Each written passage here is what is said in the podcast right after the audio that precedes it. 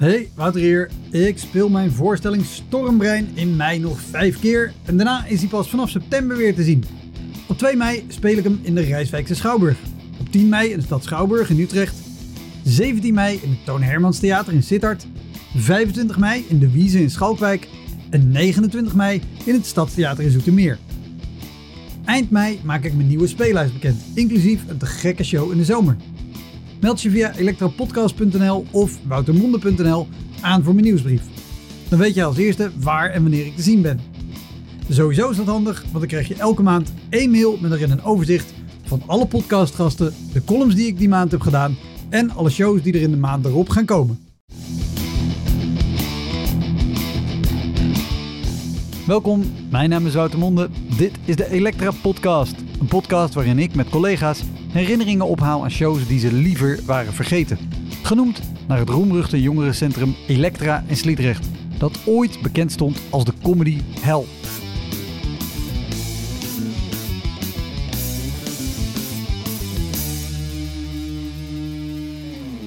En deze keer een gesprek met Dolf Jansen. Dolf speelt al heel lang en hij speelt heel erg veel. Zo maakt hij al meer dan 30 oudejaarsconferences, al dan niet samen met Lewis. Daarnaast is hij ook nog hardloper, schrijver, radiomaker, columnist en staat hij ook wel eens met een band op het podium. En die feministische psycholoog die ging Lewis uitleggen waarom zijn materiaal over vrouwen niet in de haak was. Ja, moet je net Lewis hebben. En ik nam deze aflevering op bij De Maakzaak in Utrecht. Een hele toffe en betaalbare studio om zelf podcasts, foto's of video's op te nemen. Heel veel plezier. Dit is de Elektra Podcast met Dolf Jansen.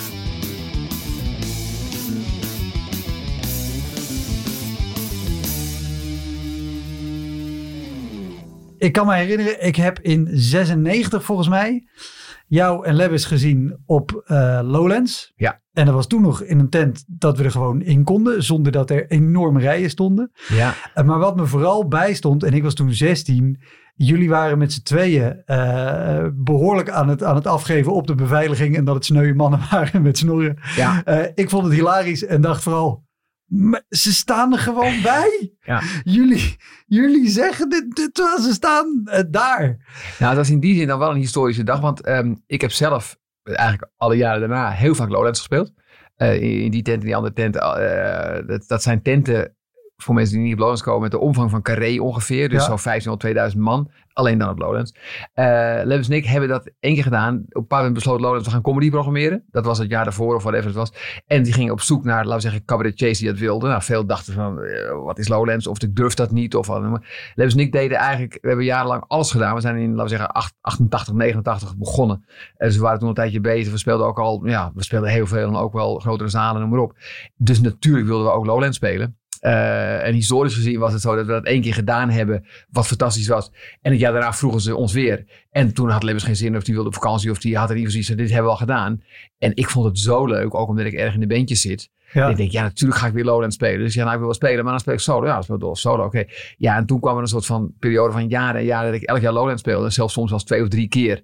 Uh, ook ik twee keer geboekt was en dat op de zondag uh, Freek de Jong opeens uitviel. En dat ik letterlijk om zes uur een dingetje kreeg van kan je om acht uur nog een keer spelen bij spreken.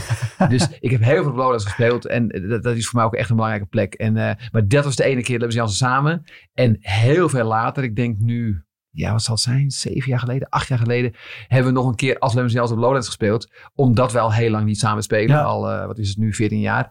Maar toen Lowlands kwam met een of andere kunstmoes of verhaal van jongens, willen jullie spelen, hebben we het gedaan.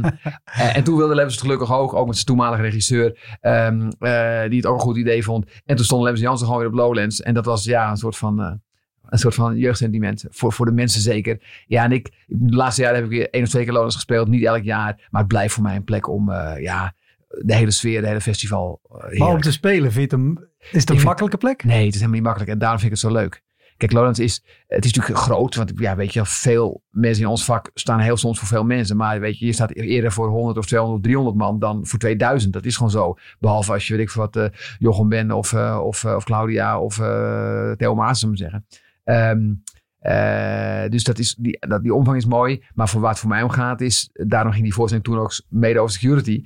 Uh, ik wil altijd spelen met waar je bent En wat er gebeurt toen wij, wat is het nu, drie maanden geleden samen speelden. Hier verderop in, uh, in de Lik in, in Utrecht. Ja. Um, los van het feit dat je dan dingen in elkaar gaat zetten en nieuwe, nieuwe shit wil doen. En afijn, uh, gaat dan een deel van mijn avond ook over. Aan de ene kant, we speelden voor een, voor een, een doel dat had met hardlopen te maken, weet ik wat. Nou, daar gaat het dan over. Maar zeker ook het feit dat je opeens in een gevangenis staat waar je door een gangenstelsel moet, waarvan je niet weet of je de uitgang nog vindt.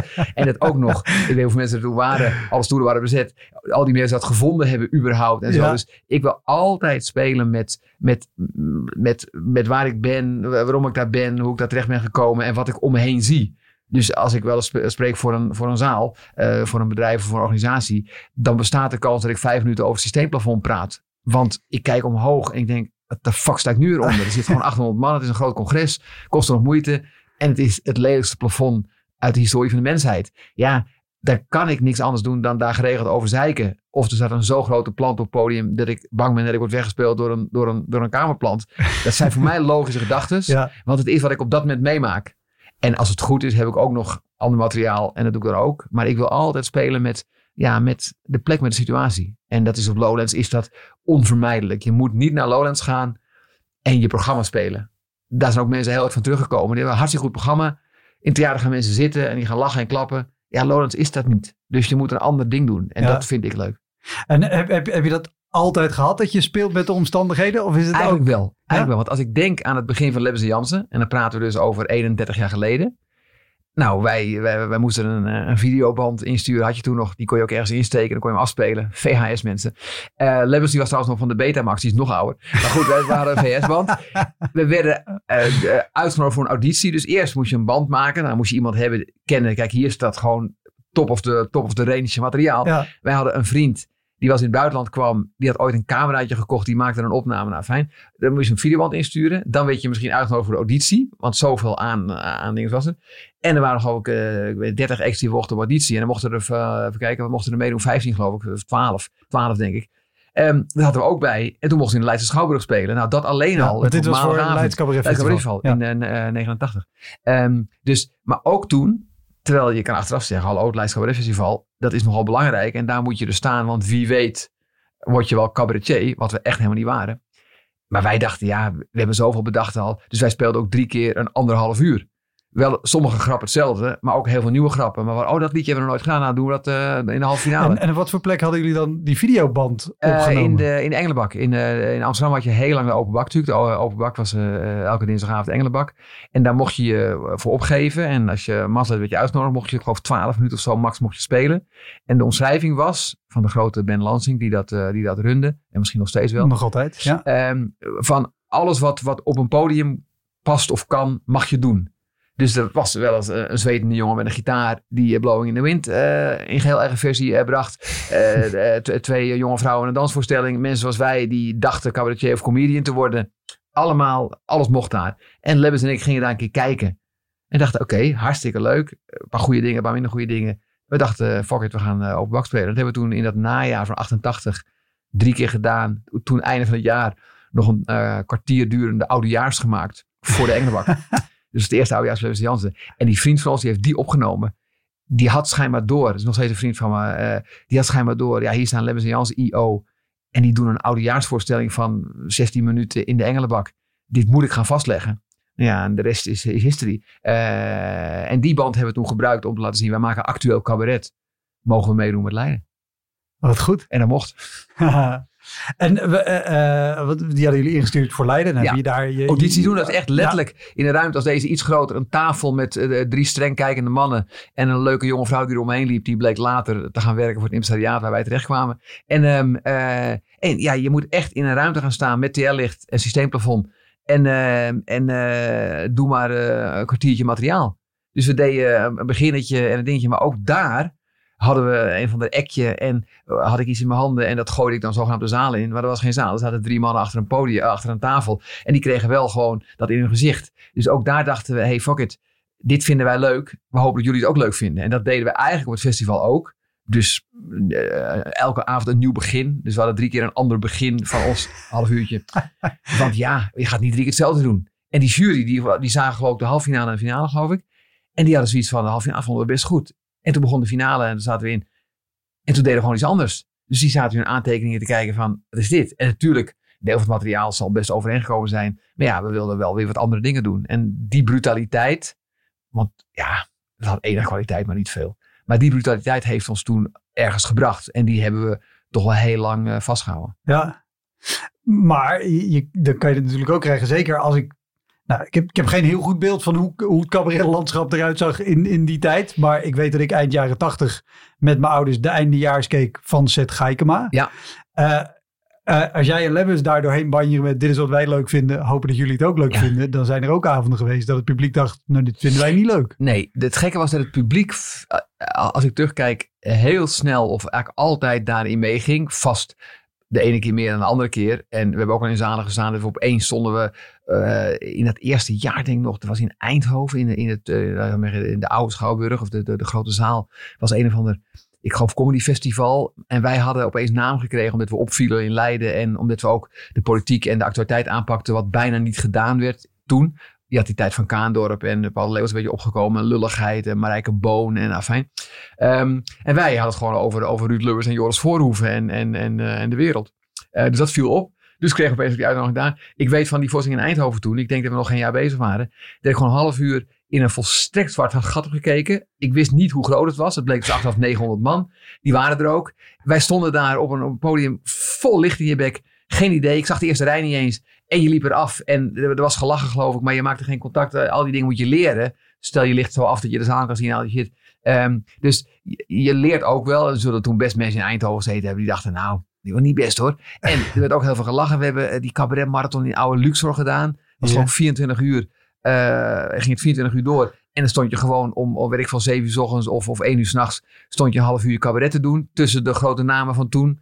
Deden we ook, want wij deden alles. Want we wilden gaan spelen. Uh, dus je leert wel behoorlijk snel. En we speelden ook echt. Na het eerste jaar speelden we geloof ik 90 of 100. Het tweede jaar 120 en het derde jaar 135. En we hebben nooit minder gespeeld als Lebbes en Jansen als 120, 130 voorstellingen per jaar. En dat elk jaar weer. Los van alle andere shit die we deden. Dus we, we, we hebben het vak wel geleerd door heel veel spelen. En, uh, en dan langzamerhand iets beter worden. En met Koos Terpstra als regisseur werken. Uh, en verder naar bijna niemand, of eigenlijk niemand luisteren. Behalve wij drieën. Nou, dat heeft wel het opgeleverd. Ja. Is, is, is dat de, de belangrijkste les, zeg maar, uit, uit die periode gewoon naar niemand luisteren dan jezelf. Ja, en niet dus in de zin van dat wij het wisten. Want wij hadden natuurlijk ook geen... Bijvoorbeeld, Lewis had een oudere broer. Die kwam aan het begin kijken. Dus helemaal aan het begin in Engelbak en zo. Die vond daar dingen van. En het was Lewis' oudere broer. Dus hij was wel onder de indruk van uh, wat hij zei. Tot ik op een paar doorkreeg. Dat is een heel aardige jongen. En ik spreek nog steeds wel eens. Maar die wist natuurlijk ja, evenveel van theater als wij. Dus ik had net zo goed mijn moeder kunnen vragen, wat vind jij ervan? Dus, dus uiteindelijk heb je dan door, wij zijn de makers, wij staan daarvoor. Dus wij moeten het heel erg leuk en goed vinden, alle twee. En daar waren we het heel vaak over eens. En na een jaar, uh, via onze impresario Harry Kies, kwam Koos Terpstra daarbij. Nou, die vertrouwden we alle twee, daar hadden we een goede band mee. Uh, die, die ook lang heeft stand gehouden. En dat is in die zin verstandig, omdat uh, als je naar meer mensen luistert, krijg je meer meningen. Uh, de een vindt dit leuker, de ander niet. De ander vindt dat echt een heel goed verhaal. De ander vindt het saai. De ander, dat, daar heb je heel weinig aan. Dus uh, mensen die onzeker zijn, luisteren naar heel veel mensen. En denken, oh ja. Maar die worden dan nog onzekerder. Want ja, de een vindt dit, de ander vindt dat. Dus ik denk als maker, als beentje ook. Je moet toch echt eigenwijs zijn. Luister naar elkaar. Als je elkaar niet op de bek slaat. Zorg dat je een goede producer hebt. En eventueel nog één iemand, zal zeggen, van de platenmaatschappij. Als dat nog bestaat. En that's it. Meer niet, want dan word je gek. En wij als makers, ja, wij bedachten om acht uur, we beginnen vanavond de voorstelling eens een keer anders dan we gisteravond deden. Dus toen we helemaal aan toeren waren, uh, dat deden we dan ook. Ja, wij waren verantwoordelijk. Als we op ons plaat gingen, dan hadden we, moesten we het oplossen. Dus, um, dus dat is wel een ding. Er zijn maar heel weinig mensen om je heen. Ik heb er nu denk ik drie, zou je kunnen zeggen. Mijn regisseur Jessica Borst. Uh, Henk, Henk, Smokey, Henk Post, mijn technicus waar ik al heel lang mee te maken heb. En die heeft er ook echt kijk op. Ja. En, en uh, Bodil, iemand die eigenlijk mijn zaken doet, maar ook heel veel van theater begrijpt en weet. En zelfs zij zal zich eerder uitlaten over, bij wijze van spreken, uh, decorbeeld, uh, posten doen we samen, dat soort uitingen die van belang zijn, de, de website, weet ik veel wat, dan dat ze echt inhoudelijk op die voorziening ingaat. Dus eigenlijk Jessica en, en Smokey, dat zijn mijn twee eikpunten. En ikzelf. Nou, dat is echt meer dan genoeg. weet, je, weet je nog een moment waarop jullie dus inderdaad dachten... oké, okay, we gooien het over een andere boeg... en jullie daadwerkelijk op je plaat gingen. Nou, even bijvoorbeeld wel, ik weet niet, dat is terug te halen. Uh, er is een moment geweest dat Amsterdam de Gay Games kreeg toegewezen. Dus de, de, de Gay Olympics. Mhm. Dat zal dan weer jaar later gehouden zijn, of een jaar later. Maar dat werd bekend. En dat werd toevallig bekend ergens tussen 7 en 8. We, we spreken natuurlijk lang voor internet, lang voor weet ik wat. Dus hoe we dat wisten, weet ik niet. Misschien had, had Lebbers in de auto de radio aangehad of whatever. We speelden de Teerstoof in Schiedam. En uh, toch een beetje het carré van Schiedam. Nee, we speelden de Teerstoof voor 100, wat kan erin, 140 man toen. Um, en wij begonnen met, met 7, 8 minuten heel energiek cabaret over de gay games in Amsterdam. Want dat vonden wij natuurlijk fantastisch. Dat de gay games hadden toegewezen. En ik denk, nou, in mijn gevoel, wel wel 10 minuten lang. Allemaal grappen over gay games en over Rome Amsterdam en wat er dan ging gebeuren. En afijn. En eigenlijk die zaal was volledig overdonderd. En ja, later bleek, niemand wist überhaupt dat de gay games bestonden. laat staan waren toegewezen in Amsterdam. Dus het ging volledig over die zaal heen. Nou, dan ga je vanaf minuut 11 ga je de schade herstellen. En in de auto terug praat je erover en zeg je, ja, dat was niet goed. Gaan we morgen anders doen, weet je. Dus, maar wij, bedoel, ik, ik onthoud het nog steeds. Terwijl alle andere voorstellingen in de teerstoof ben ik echt al vergeten. Dus het is ook wel goed. Zeker in stand-up ook. Je moet een beetje risico nemen, denk ik. Ja. En op wat voor manier je zegt vanaf, vanaf 11 minuten los je dat op. Wat, wat, was jullie manier of jouw manier om het dan op te lossen? Van toen weet ik het niet. In het algemeen weet ik, en dat geldt bij stand-up en dat geldt bij, bij, bij wat ik vaak in theater doe, dat we zeggen cabaret. Is dat het kan zijn dat op de een of andere manier die zaal die avond niet met jou mee wil. Dat kan aan jou liggen. Misschien ben je wel te energiek begonnen. Of heb je net even wat improv gehad aan het begin. Dat die hele zaal dacht, wow, het kan van alles zijn. Het kan ook net zo net die avond, uh, ja, een andere, andere sfeer. Of je staat op een plek waar de gemiddelde intelligentie net wat lager is of de onderlinge familiebanden dusdanig zijn dat iedereen, dat kan allemaal. Dat heb je door. Dat heb je als stand comedian door, maar dan heb je vaak niet zo heel veel tijd, want dan speel je wat korter. Dus dan moet je, eh, je moet op dat moment echt iets anders gaan doen. Dat zeg ik ook vaak tegen comedians als we, als erover praten. Als je een goede grap hebt en na vijf, zes van die goede grappen merk je dit werkt vanavond niet, kan je nog tien goede grappen maken, waarvan je weet van de vorige avond zijn goede grappen. Maar ze gaan niet vallen, want er is iets aan de hand dan is het enige wat je kan doen echt iets anders gaan doen. Dat kan heel veel extra energie geven of juist helemaal terug in je energie. Het kan zelfs zijn dat benoemen en vertellen wat er eerder die week gebeurd is, waardoor dat het verhaal wordt. Het, maakt niet uit, maar je moet iets anders gaan doen. Want als je uh, volhoudt de energie waarop je zit, met die grappen die je hebt, dan gaat het niet opeens wel werken. Zelfs niet als je grappen heel goed zijn. Ik heb zelfs Lebbers wel zien sterven op toneel. Terwijl Lebbers echt een goede comedian is. Mhm. We, speelden, we speelden een van de gig in, uh, in het Amstel Hotel, of all places, voor ik weet echt niet meer wat, uh, organisatie. En we waren, er waren, was een MC of zo. En wij waren als twee comedians geboekt. Dus Lebbe speelde en ik speelde. Ja, elkaar. En uh, nou, Lebbe is echt een goede comedian. Maar die avond niet. Dus ze pakten het niet. Hij was veel te hoog energie. En zo'n zaal in het Amstel Hotel met, ik weet niet wat het waren, 10020... Uh, Want het is sowieso een chic hotel. Voor chic hotel, die ja, dus een chic hotel. Ook... Dat ook nog een chique bijeenkomst. Ik weet niet meer wat, maar laten we zeggen, een van de organisatie maar het was de Lions Club, maar in ieder geval een organisatie. En die wilde gewoon comedy. En ik stond achter in de zaal, want ik zou daarna. En Lewis vier, vijf minuten en nog maar energie. En niks, of bijna niks. En toen hoorde ik hem grappen die ik kende, goede grappen, hoorde ik hem verklooien. Omdat hij in zijn haast een detail wegliet of een woord wegliet of de clue niet maakte. Dus het werd alleen maar erger. Dus ik heb natuurlijk de topavond gehad. Ik stond achter in die zaal. ik zag Lewis doodgaan op toneel. Maar het mooie was dat hij zelf, dus op een heeft hij het gewoon, hij zegt, jongens, ik zeg, ik weet niet wat aan de hand is. Ik zou een kwartier vullen, ik heb nu tien minuten gedaan. Ik zeg maar, uh, jullie hebben vanavond geen zin in Lewis. En dat ging je dat doen. Dan begonnen mensen een beetje, te, een beetje te lachen. En op een paar probeerde hij weer wat. En, en toen riep hij, Jansen, kom maar redden. En toen ben ik erbij gegaan. En we hadden toen in de voorstelling een, een, een synchro stuk. Dat was vier minuten synchroon tekst. Dus echt heel hoog tempo. Vier minuten Jansen die gewoon dezelfde tekst uitspraken. Het is later door anderen ook gedaan. Maar wij hebben dat ooit eens bedacht een synchrotekst over, uh, over uh, eerst over Amsterdam, een paar jaar later over Europa, de eenwording van Europa. En dat was gewoon vier minuten, hoog tempo, heel veel grap en bam. En uh, dus hij zegt, Jans, kom maar redden. En mensen lachen en ik kom erbij. En we staan met z'n tweeën en ik kijk hem zo aan en ik zeg, het gaat helemaal mis met Amsterdam. En hij, nee, echt. En bam, we vallen in die tekst over pizzabezorgers en over het verkeer en Oh, over goed. wat erin En we deden 3,5 minuut. Uh, hebben ze Jans Amsterdam Synchro. Bam, iedereen was helemaal los. En Lebbe zegt, jongens, dankjewel. Hij loopt eraf. En ik nam hem over. En die avond is hij naar Toemler gegaan. Heeft hij nog een half uur gespeeld. Heeft hij die hele zaal plat gespeeld. Want hij kon het nog wel. Alleen op dat moment niet. Nou ja, dat zijn natuurlijk gewoon... Uh, dat zijn goede dingen. Maar altijd, als het misgaat, denk ik iets anders doen. Uh, breken met de zaal. Een gesprek beginnen. Improv. Uh, een heel ander verhaal wat jij niet van plan was. maar in ieder geval iets veranderen. Want anders gaat er niks gebeuren. Is dat iets wat je altijd al wist? Of heb je dat Ik wist gaandeweg niks. geleerd? Ja, ik wist niks.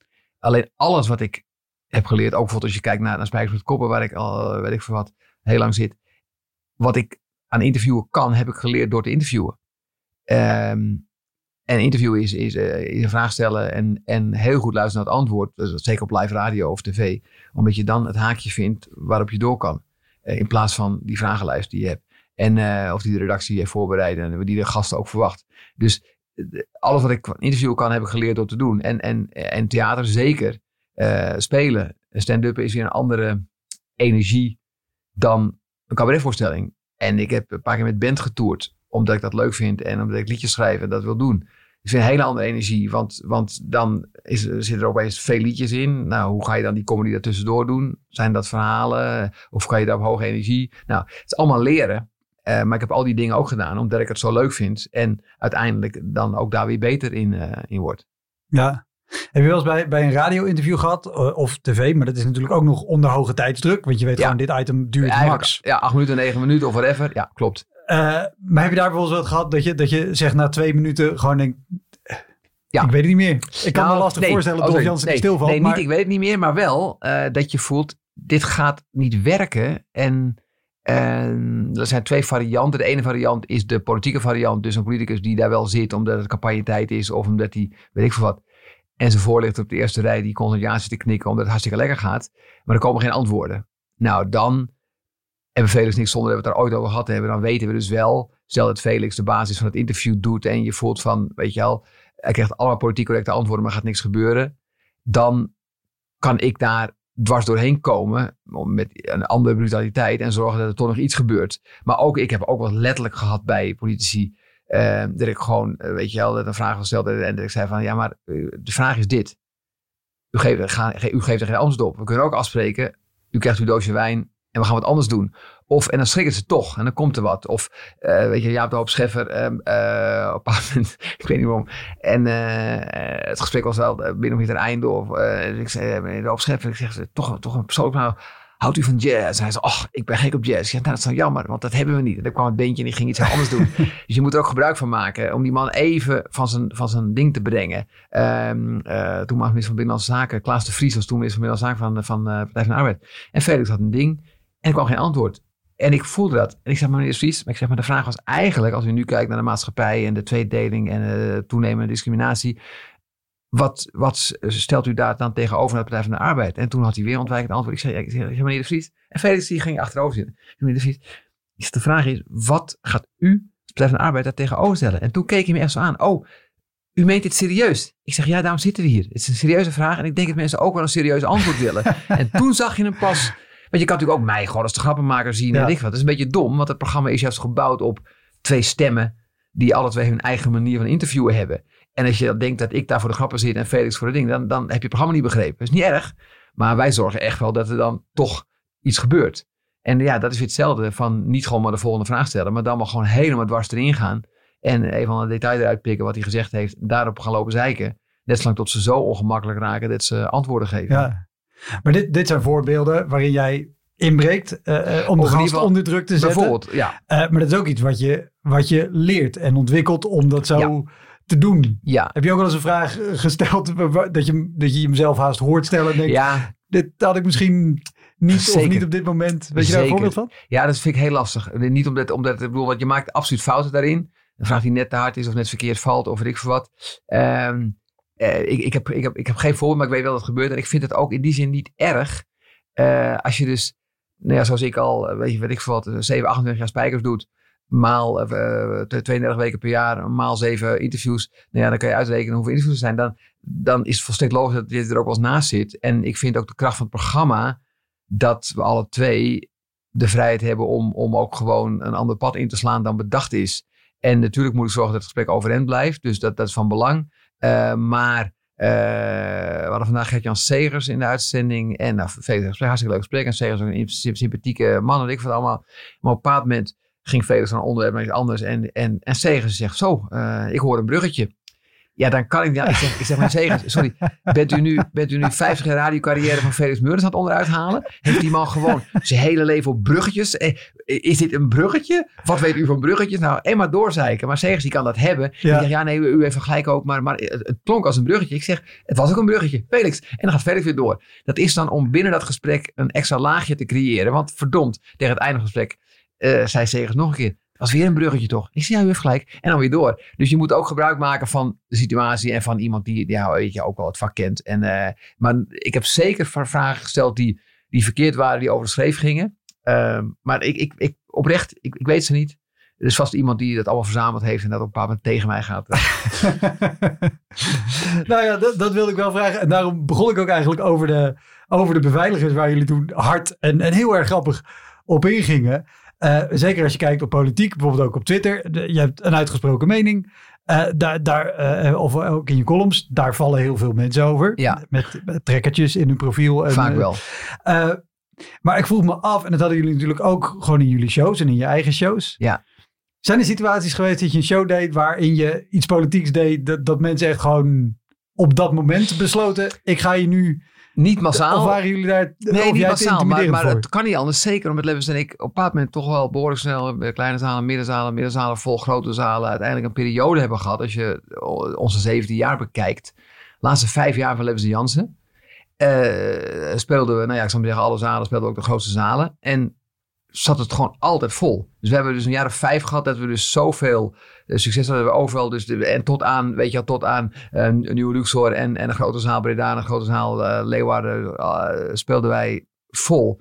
Eh, ja, dat was natuurlijk omdat een deel van het publiek, eh, ja, die wilde gewoon Lemmens Jansen zien. Wat ze zeggen, iemand als Jochem of weet ik wat ook heeft, los van zijn kwaliteiten, is Jochem Meijer natuurlijk ook iemand, ja, die mensen willen hem gewoon zien. Ja. Want die is zo beroemd dat mensen gewoon Jochem Meijer zien. Daarom kan hij drie jaar toeren met een, met een, met een, eh, met een show en eh, anderhalf miljoen eh, production value erin pompen. Want ja, die mensen komen. Dat is terecht, want hij maakt goede dingen. Maar weet je, Paul de Leeuw heeft een periode gehad dat iedereen naar Paul de Leeuw wilde, omdat hij beroemd van tv was. Ja. Nou, dat is niet al het beste publiek. Joep heeft al die jaren een publiek gehad. Die, het, ik denk dat heel veel mensen Joep per definitie al leuk vinden. Want Joep doet in principe elke keer hetzelfde. Ja. Weet je wel? Hij Doet hij schrijft al, goed. eh, hij doet hij hartstikke goed. En hij schrijft in, in mijn optiek al twintig jaar elke week dezelfde column.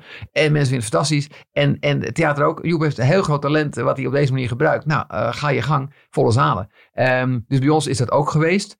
Nooit hebben we er heel veel last van. Los van wel eens een gesprek na afloop met een vrouw die Lewis aansprak op zijn mening over vrouwen. En dan moest Lewis gaan uitleggen dat satire betekent dat je, afijn. Wat ik me herinner meest recent is denk ik anderhalf jaar geleden in mijn- oudejaars van dat jaar. Dat ik, ik denk dat het niet vorig jaar, daarvoor, denk ik ja. Ehm, ik raakte aan de agrarische sector en weet ik wat. En redelijk vroeg in de tour, eh, ergens in Noord-Holland, in boven Karspel, denk ik, ja, postkantoor. Ehm, was een man die, die, die, die reageerde boos. Dus het is een zaal, wat kan erin? 160, 180 man. Hartstikke leuk. En redelijk snel zat dat erin. En die man reageerde boos. En die riep gewoon vanuit dus die zaal van... eh, jij moet niet over de boeren praten. Echt eh, bozig. Ik zei nou... Ik zeg, dat denk ik wel, want het houdt me echt bezig. Ik maak me zorgen om de toekomst. Ik maak me zorgen om de toekomst van de agrariër. Nog een keer. Jij moet niet over boeren praten, want daar weet jij niks van. Ik zeg, ja, ik zeg nu. En die hele zaal natuurlijk. Ja. Ik zeg, nu hebben we toch even een probleem. Want ik schrijf al 15 jaar over de agrarische sector. Voor vroege vogels, andere plekken. Ik verdiep me er echt in. Ik lees er veel over. Ik zeg, er zijn een paar punten waar het misgaat. En ik kon echt zo bam, bam, bam, bam, bam die punten noemen. Ik zeg voor de duidelijkheid, ik sta aan de kant van, ik denk dat u agrariër bent, ik sta aan uw kant. Maar de Rabobank gaat u niet redden. En CDA gaat u niet redden. En LTO ook niet. En Farmers Defence Force ook niet. Want pa, pa, pa, pa, pam. Ik zeg, en daarom praat ik erover. Omdat ik sta voor uw toekomst en mijn toekomst en mijn kinderen en het landschap en het klimaat en bla, Want dat, ja, zo werkt mijn hoofd. En die man sputte er nog een beetje na en toen was het klaar. Maar die sfeer was dan weg. Ja, dan ben je daarna drie minuten bezig om dat weer goed te maken. En, maar ik vind het niet erg. Want ik gooi iets op. Iemand vindt er wat van. Deze man was boos. Want die vond dat ik me niet moest uitspreken over zijn beroepsgroep. En ik denk van wel. Het hele probleem is juist dat ze zich laten leiden door, door de, de, de, de, de, agro's en de f- hoe heet het, for farmers van deze wereld. En dat is niet waar je moet zijn. Nou, dat vind ik dan leuk als dat gebeurt. En een paar minuten later was weer gewoon cabaret en niks aan de hand. Maar ja, ik roep het over me af. En in dit geval, ja, heb je een andere avond. Wel een andere deel van de voorstelling. Maar ik vind dat geen enkel probleem. Eh, en je moet er dus in die zin mee om kunnen gaan. En op andere plekken ook. Mensen moeten vooral reageren. En als het, als het coherent is en, en niet met schelden gepaard gaat, dan probeer ik ook uh, antwoord te geven. is, is het wel eens niet coherent en met schelden gepaard gegaan? Het is vaak niet coherent. En dat is natuurlijk, soms is het gewoon hoe iemand iets weergeeft. Maar ja, ik kan niet elke keer weer uitleggen wat ik bedoel als ik het al in een column heb uitgelegd of al vele malen op andere plekken. Dat, dat, dat kan niet, ook al vanwege de omvang van het aantal reacties. Dus dat doe ik niet. Soms verwijs ik er ergens naar. Maar goed. En schelden, dat is eigenlijk mijn enige ondergrens. Schelden is, is blok. Dus op Twitter kan je... Maar je, uh, je, bedoelt nu Twitter. Ik, ik bedoel, is, is, het, is het ook wel eens in een zaal gebeurd dat mensen dus... Nee, ik, heb, ik, ik, zeg wel eens tegen als iemand komt kijken. Ik zeg, je mag komen kijken, maar dan wil ik wel dat je op die kant van de voorstelling de zaal verlaat. Uh, dat je hard roept, schande, schande. En de deur dichtsmijt. Want dat gebeurt me gewoon veel te weinig. Vroeger had je het nog in de jaren 70, 80. Gingen mensen gewoon weer weg, weet je wel. Die waren gewoon woedend. Ja. Bij Donkey Shocking en bij Bram en Freek en bij weet ik veel het laatste wat ik heb meegemaakt waar ik bij was, was Waardenberg en de Jong. Ik denk de gekke galerij in de kleine komedie. Of de voorstelling daarna, Joel Hul, die tijd. En dat ze dingen op het podium deden die volledig over de schreef gingen. en 500 man zitten janken van het lachen. Ze hadden een, een plastic kast nagebouwd op het podium. Een, een kas, uh, Westland. Plastic, 4 bij 2 bij. Gevuld met tomaten. een van de twee stond daarin, die was in die kast bezig en de ander komt erbij. Maar eh, ik, ik vermoed dat Mart al bezig was en Wil erbij kwam. En Wil had zo'n soort van ronddraaiend spuitding. Want die moest dan zogenaamd tomatenwater geven. Nou, binnen de kortste keren stond dat ding zo hard. Dat die hele kast zich vult met een soort van tomatensoep. En zij had natuurlijk een wit pak aan. Nou ja, heel grappig. Dat is al grappig. Maar natuurlijk deed Wil op haar een stukje de deur van de kast open. Waardoor er even één spuit tomatensoep gewoon die zaal ingaat. En ik ging dood. En ik denk 500 andere mensen ook. En één man staat midden in die zaal op. En die kijkt alleen maar om zich heen. Die verwacht dat iedereen zou opstaan en zeggen: schande en we gaan weg. Maar mensen vonden dit grappig. Ja, dan is er één man alleen die het heel erg vindt. En die ging maar weer zitten. Want het was gewoon kansloos. Het werd zo hard gelachen. Ja, dan kan je wel gaan zeggen: hou op met je tomaten, maar het is te laat. Dus het gebeurt niet zo heel vaak meer in theater. Althans, bij mij niet. Het feit dat mensen nog steeds praten over Micha Wertheim in Roermond. Iets van een rolstoel, terwijl het fucking tien jaar geleden is. Dat geeft wel aan mensen worden niet meer zo boos in theater. En, en in jullie beginperiode, dat, dat zit misschien natuurlijk meer er toen nog in, dat mensen zo reageerden en waren jullie nog minder bekend ja. om jullie stijl. Ja. Uh, en, misschien ook nog naïver, zeg maar, in, oh, we gaan hier nu gewoon iets over roepen of hier zelf de show mee beginnen. Ging dat daar altijd goed? Eigenlijk wel. Uh, het heeft ja, ben ik niet geïnteresseerd. Uh, nee, maar, maar het is niet zo dat ze zeggen... Kijk, wat, je, je, je krijgt, wat je bij stand-up ook hebt. Stand-up is vaak kleiner. Dus dan is de kans dat je iemand spreekt ook groter. Ja. Weet je wel zeker. Ik ben niet zo naar zit. Maar bijvoorbeeld iemand als Lebbes wel. En veel anderen ook. Die vinden het leuk om nog een tijdje te blijven zitten. Aan de bar van Toemler of de Comedy Club. Omdat ze het fijn vinden dat mensen langskomen en zeggen... Hé, hey, lekker gespeeld. Of uh, goede grappen over dat en dat. Ik... Ja... Ik, ik ben niet van de nazit. Ik doe wat ik doe. Ik zeg iedereen gedag en ik ben weg omdat ik weer wat anders wil gaan doen of weet ik veel. Ik, en ik drink niet, dus het is allemaal reden om gewoon weer, weg te gaan. Lewis heeft heel dat, vaak... Dat maakt de nou zit een stuk minder stuk interessant, minder kan ik eigenlijk en, zeggen. Ja. Nee, en Lewis die, die wel, dus die kwam zeker met vrouwen vaak in discussie. Weet je wel, die, nog steeds weet ik dat op moment was iemand en die, en die was, oh wat was die?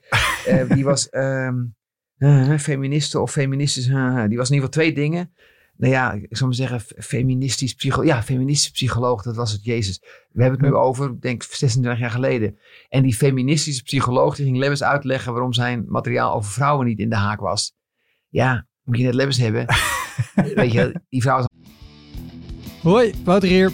Luister je vaker Elektra? Dan is het een goed idee om crewmember te worden. Je doneert dan automatisch elke maand een klein bedrag. En in ruil daarvoor krijg je extra afleveringen consumptiebonnen om in te wisselen als je eens live bij mij komt kijken. En je krijgt een unieke link waarmee je voortaan de podcast luistert zonder dat ik halverwege onderbreek om te vragen of je crewmember wil worden. Zoals nu. Dus, word crewmember. Dat kan al vanaf 1 euro per maand. In de omschrijving van deze aflevering vind je een linkje voor meer informatie. Oké, snel weer terug half, jaar half uur later is hij is met een bloedend oor is die verdwenen. En, Lebbes weet zeker dat hij gelijk had. Terwijl ik weet zeker dat die vrouw gelijk had. Maar dat maakt niet uit bij Lebbes. Dus die gesprekken is oké. maar de reden dat ik bijvoorbeeld na een voorstelling geen nazit doe, is niet omdat het publiek me niet interesseert. Maar voor je het weet heb je elke avond hetzelfde gesprek. Want die mensen zien die voorstelling en die vinden daar wat van. En die zeggen, oh dat was goed en dat stukje en waarom deed je dat? Ja, die energie die heb ik niet. Want ik geef alles op het podium. En dan is het tien uur. En dan moet ik gewoon, weet je wel, even zitten, kopje thee inpakken en naar huis. En niet nog met 100 of 500 mensen of hoeveel er zijn die voorstelling nabespreken. Dat, dat Ja. is gewoon fysiek en mentaal niet haalbaar. Dus daarom doe ik het niet. En eh, ik weet, er zijn mensen die het wel doen en ze houden er ook publiek aan over. Maar voor mij is het, eh, op het podium vertel ik wat ik te vertellen heb. En ik vind het fantastisch dat die mensen er zijn. Maar ik ga niet daarna nog een keer een kunstje doen in de foyer. Dat is gewoon niet haalbaar. Nee. Wat me opvalt, hierbij ook, na een show, dan ben je klaar, dan, dan ben je weg. Eh, voorbeelden over, over shows die, die mis zijn gegaan, haal je, je bijvoorbeeld eh, nu twee keer Lemmens aan. Eh, ja, voel omdat je die verhalen hoort. Eh, nou, de- de- de- waar, waar ik vooral heen wilde, en ik, ben- je hebt zelfs ook een boek geschreven over hardlopen weliswaar, maar met de titel Altijd Vooruit. Altijd verder. Eh, altijd verder, Ja. sorry. Eh, eh, wat, wat volgens mij ook wel jouw instelling is met Ja. je gaat door andere dingen doen. Eh, als een show niet goed gaat of, of het gaat Ja. echt mis, dat, dat gebeurt ongetwijfeld. Ja. Eh, ik bedoel, we moeten eerst nog tegenkomen die dat nooit heeft.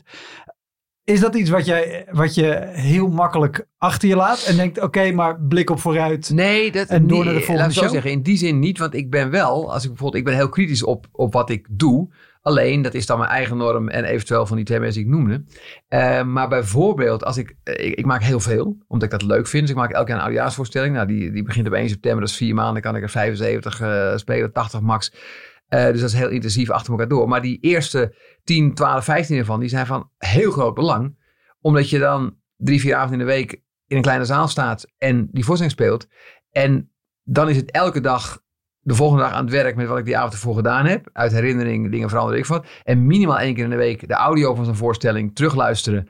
En daar weer stappen in maken naar de volgende week. En dan weet ik dat ik bijna per definitie de slechtste voorstelling van de week. Want ik neem ze allemaal op. Althans, ik doe dat niet, maar ik heb gelukkig iemand die dat kan.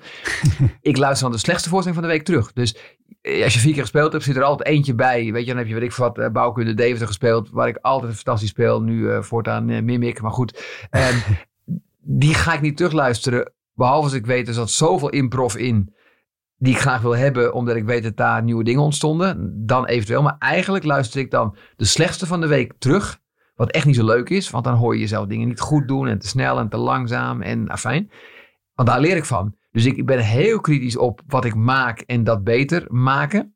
Uh, als ik tijd had, zou ik bij wijze van spreken spijkers met koppen terugluisteren om al mijn interviews te horen. Maar je hebt ook een soort van, ja, hoeveel kan je doen in een week? Mhm. Maar als bijvoorbeeld, als ik op een paar moment denk van, hm, was echt niet goed genoeg. Dan luister ik het wel terug. Dus een gesprek of, of iets anders. Um, omdat ik daarvan leer. Dus ik ben wel heel kritisch op wat ik gemaakt heb. Maar dan zit de kritiek bij mezelf en eventueel bij die twee mensen om me heen. En niet dus bij allerlei andere mensen. Ja. Uh, zelfs comedians. Ik bedoel, ik vind het leuk als ze er wat van vinden als je samen toen hebt gespeeld. Maar, um, hoe zou ik het zeggen? Ik vind toch dat je als comedian... Kijk, als je jong en beginnend bent en je hebt er behoefte aan... dan kan je aan, aan mij of aan Lebbes of aan Theo Maas of aan Ronald Goedemond... of aan weet ik wat vragen, weer even kijken en er wat van vinden. Ik doe dat nooit zelf, maar op verzoek doe ik het wel. Dus ik heb met, met Glody uh, de Goen heb ik een aantal keer zitten praten. Vroeger met Soendels, uh, andere. Uh, Martijn Koning, weet ik veel wat. Omdat hij dat wilde of, of letterlijk vroeger. eh, Tim Frans heb ik wel eens over gehad toen hij net aan het begin van zijn toentertijd stond. Um, vind ik hartstikke leuk. Maar ik ga dat niet uit mezelf doen. Uh, want dan denk ik, als jij behoefte hebt aan iemand die je feedback geeft, tuurlijk. Maar volgens mij niet aan vijf comedians die die avond allemaal er iets van vinden. Ik denk dat dat niet zo heel nuttig is. Nee. Maar dat is mijn manier van, van werken. En, um, maar ik ben dus wel, los van de zit, ben ik heel kritisch op wat ik doe. Ja. Dat wel. En, en als je zo'n opname terugluistert, sowieso. Hoe, hoe werk jij door een, door een opname van je slechtste show heen? Want ik weet hoe helemaal duidelijk het is. Helemaal luisteren. En, uh, zelfs bij de slechtste shows, zelfs aan het begin van de trouwperiode, zit er zoveel in waar ik plezier in heb. Dus als spelende, maar ook terugluisterende. Ja, en die andere dingen. Het is natuurlijk fantastisch om een paar een stuk te horen dat je, waarvan je weet dat het verhaal is goed. En je hoort jezelf terug. Je denkt, oh ja, vriend. Aan het begin was je te snel, waardoor ze de, de, de, de premisse misschien wel helemaal gemist hebben bij wijze van spreken. En uh, misschien ook wel leuk om het ene zinnetje te gebruiken, want dat ben je vergeten. Terwijl dat zinnetje is nogal van belang om de eindgedachte uh, te begrijpen. Ik noem maar wat. Die fouten maak je, dat kan niet anders. Want ik, want ik ga geen verhaal voorlezen. Nee, ik heb uh, acht steekwoorden staan, dan ga ik dat ja. verhaal vertellen. Ja, dan vind ik het alleen maar leuk als ik dat dan, laten we zeggen dat ik uh, vier avonden gespeeld heb. Nou, neem ik zondag vrij, ga ik op maandag terug luisteren. Op dinsdag speel ik weer. Ik vind het heerlijk om dat te horen. En denk, oké, okay, ja, ja, natuurlijk ging het niet zo best. Uh, hallo. Om dan zeker weten, nou, vanavond heb ik twee opdrachten aan mezelf. Eén, eerste tien minuten moeten rustiger dan vorige week, want ik knal er overheen. En twee, dat verhaal moet vanavond werken, want het is een goed verhaal en het is van belang en het is ook nog heel grappig en het is persoonlijk en bam. Vanavond gaat het verhaal goed komen. Nou, dan weet ik bijna zeker dat in die week dat ik eh, drie van de vier voorstellingen dat verhaal goed heb. En dan heb je hem. Uh, dus, dus ik vind dat alleen maar het mooie van het vak, dat je, als je redelijk veel speelt, zeker, dat je meteen weer beter kan worden. Uh, en, en dat is wat ik die periode in september vooral voor gebruik. En dan ga je langzaam naar iets grotere zalen. Dan moet het een beetje staan. En vanaf eind oktober moet het echt gewoon staan. En dan speel je nog twee maanden door. En dan, uh, maar dan nog moet die elke avond wel uh, vers zijn en anders zijn dan de avond ervoor. Omdat, ja, dat is de manier waarop ik speel. Ja. En wat, wat is de pijnlijkste die je ooit terug hebt, hebt geluisterd? Boah, dat is heel lastig hoor. Um, even nadenken. Ik heb, ik heb natuurlijk wel, omdat ik ook met, met band dingen, ja, weet je wel. Um, ik, ben, ik ben geen zanger, maar ik kan met een goede band en goed podiumgeluid. En in mijn ding kan ik, kan ik aardig met een bandje meedoen. Um, maar uh, ja, soms hoor je dingen terug, dus zeker in die hoek, dat je echt denkt van, oh, dit klinkt echt hartstikke lekker. Um, en ook wel dingen dat je voelt van, oké, okay, die had ik niet of die was niet goed genoeg. En uh, zelfs daar vind ik, ik, bedoel, ik ben geen zanger, maar als ik met een een podium sta, dan moet ik in ieder geval dat, dat niveau halen. Uh, dus dat, dat, dat is, ik bedoel, jezelf terug horen als, het, uh, als je het net niet redt qua zang, dat is echt pijnlijk. Dat is ook waarom zingen nog weer, denk ik, enger is dan wat wij doen. Ja. Dus die dingen, maar ook dan kan je wel denken: oh ja, wacht even, ja, dat is wat er gebeurt. Dus het moet volgende keer beter. Of dat liedje moet ik in de, in de soundcheck echt zorgen dat we het nog twee keer doorspelen. Want ik weet dat ik hem heb. Ik heb met de LSB Experience en een band uit, de Gooien omgeving. Heb ik een Amerikanenprogramma gedaan twee jaar geleden. Hartstikke leuk deed ik. Dus ik deed de hele avond, maar ik deed geloof ik zes, zeven liedjes met de band. En zij deden de rest en ik deed wat verhalen. En we deden op een bepaald moment, op mijn verzoek, deden we Old Man van Neil Young.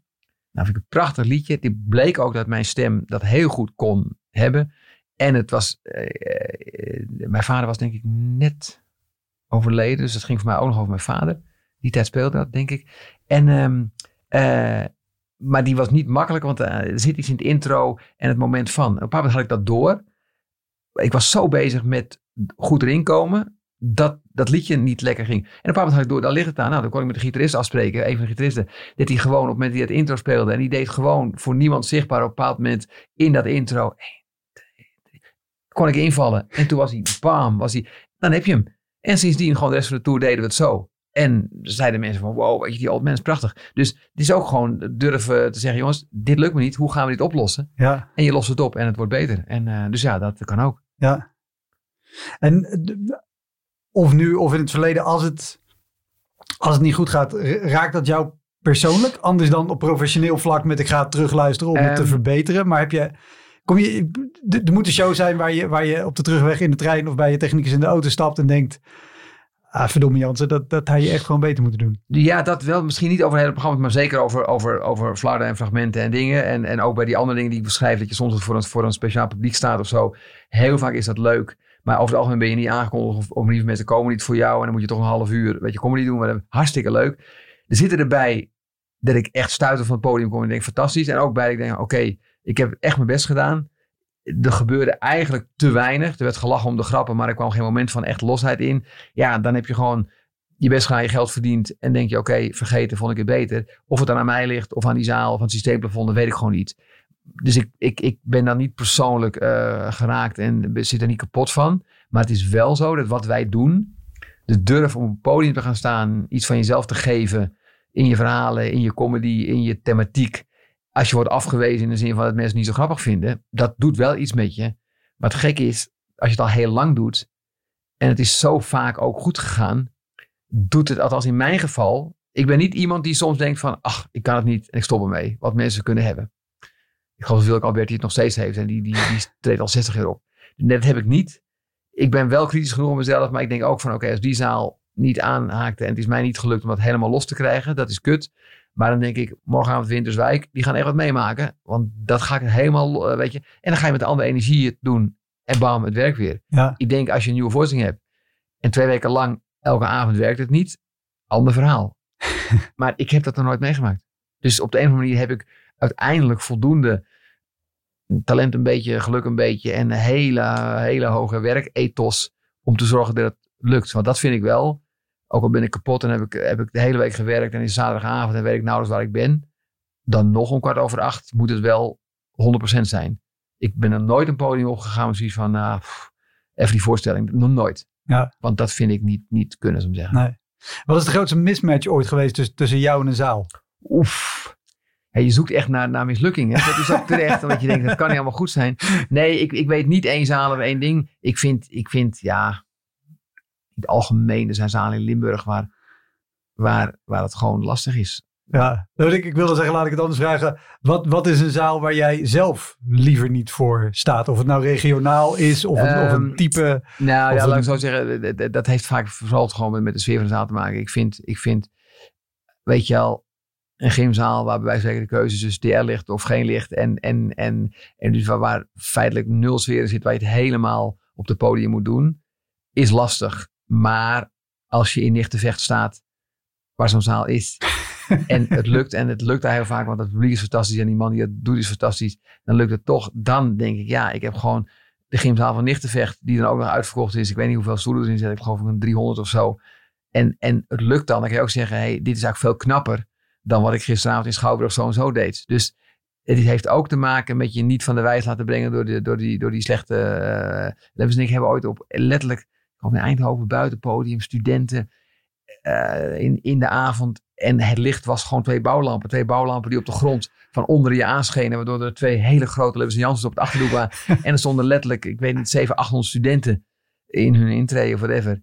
Maar ja, wij waren Levens Jansen. Ja, fuck it. Dan weet je wel, dan gaan we die studenten zo hard aanpakken. En Eindhoven en Brabanders en alles. dus ook dan, wij hebben het leuk gehad. Of zij het leuk vonden, weet ik niet eens meer. Maar dus het is ook aanvaarden van het is niet altijd top. En we staan niet elke avond in het plush. Maar ja, fuck it. Het moet gewoon gebeuren. Ja, is daar ook uit voortgekomen dat je, dat je zo graag met de omstandigheden speelt? Ja. Dus het, het systeemplafond en de gevangenis. Omdat de gangen. je, je moet niet doen alsof wij eh, recht... Kijk, ik vind waar wij recht op hebben... is als je bij een theater komt dat de deur voor je open gaat. En je zal zeggen dat lijkt, is normaal, maar dat is niet altijd zo. Dat je er gewoon in kan. Dat er gewoon een basis is. Weet je wel, een werk aan de douche. Dat je ergens thee kan halen. En dat de techniek in orde is. En dat ze hun best hebben gedaan die zaal te vullen. Meer recht hebben wij niet. De rest moeten wij zelf doen. Dat vind ik echt. En natuurlijk is het fijn als een theater enthousiast is en er iemand op je staat te wachten en zo, maar allemaal best.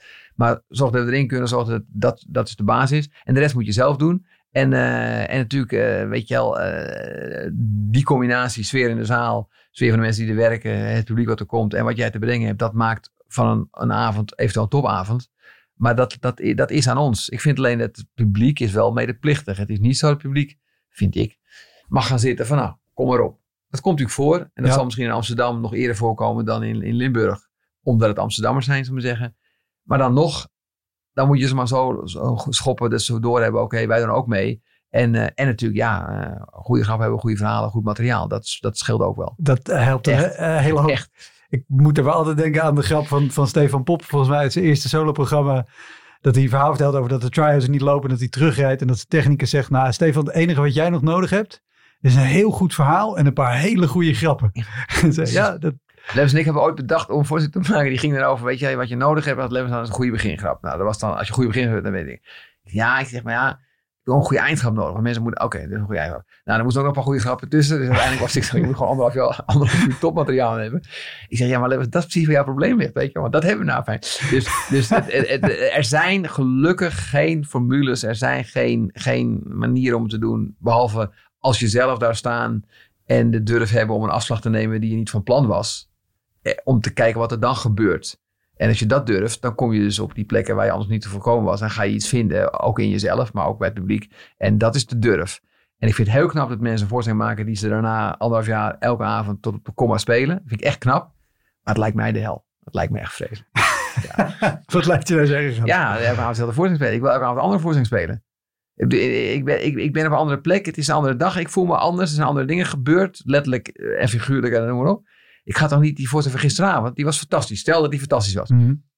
Ja, dan ga ik toch niet die voorstelling proberen te... Het? Nee, dan ga ik wat anders doen. Om hem weer op een andere manier. Ja. Weet je wel? Het, het, is ja, met andere dingen ook van... Je kan wel doen wat je al gedaan hebt. Maar je kan beter iets doen wat je nog niet gedaan hebt. En natuurlijk val je terug op dingen. En er zitten er allemaal stukken in die werken en die vast zijn. Maar ik wil liever op een andere manier daar terechtkomen dan dat ik weer probeer te doen wat ik gisteren deed. Ja. Maar dat gaat mis. Dat gaat meestal mis. En ehm, want inderdaad, ik, ik zoek in deze podcast juist altijd graag naar de verhalen waar het, waar het misging. En- het. en En, het is niet zo dat ik dat niet, niet Nee. wil vertellen. Maar, maar ik zit te denken, ja, het zijn allemaal van die detaildingen. Maar eh, bijvoorbeeld een hele avond die helemaal kut was en die niks weg. Je hebt wel eens in een, in een comedyclub dat je op een avond staat en blijkt gewoon dat 80% is eh, piemelmateriaal en, en eh, Tinderverhalen en, en, en weet ik veel wat. En dan kom ik met mijn verhalen die over de wereld gaan en, en, en, en, en nog een gedicht. Ik denk, fuck, ik doe het gewoon. Maar er zijn zalen die dan zo op de piemel zitten, dat gaat niet meer lukken. Ja, dan constateer ik dat gewoon. Maar dan ga ik niet iets heel anders doen. Dan ga ik misschien een beetje wat anders doen. En dan kan het best zijn dat mensen denken, nou, ik vond eh, de rest veel grappiger. Ja. Ja, fuck it. En dan sta je twee avonden later. En het werkt wel. Dus eh, in die zin, het ligt nooit aan het publiek, maar het ligt natuurlijk wel aan het publiek. Ja. Nou ja, de, de- ik, ik parafraseer hem vaak als het, het ligt nooit aan de zaal, hooguit aan de teringlijst die erin zit. Precies. Dat, Dat, is dat precies ik wat het is. Maar, maar, Maar het wel- gaat dan meer over jouw publiek dan over mijn publiek. dat, dat sowieso, maar dat, dat zijn er ook veel minder. Ja, Eh, nee, maar waar, waar ik benieuwd naar was. ehm, als inderdaad je insteek is om eh, gewoon te kijken, oké, dit ging misschien niet. Hoe kan ik dat de volgende keer Ja. anders doen? En om gewoon altijd de durf te hebben om je eigen ding te doen. En Ja. denken, dit wil ik vanavond ja, doen. precies.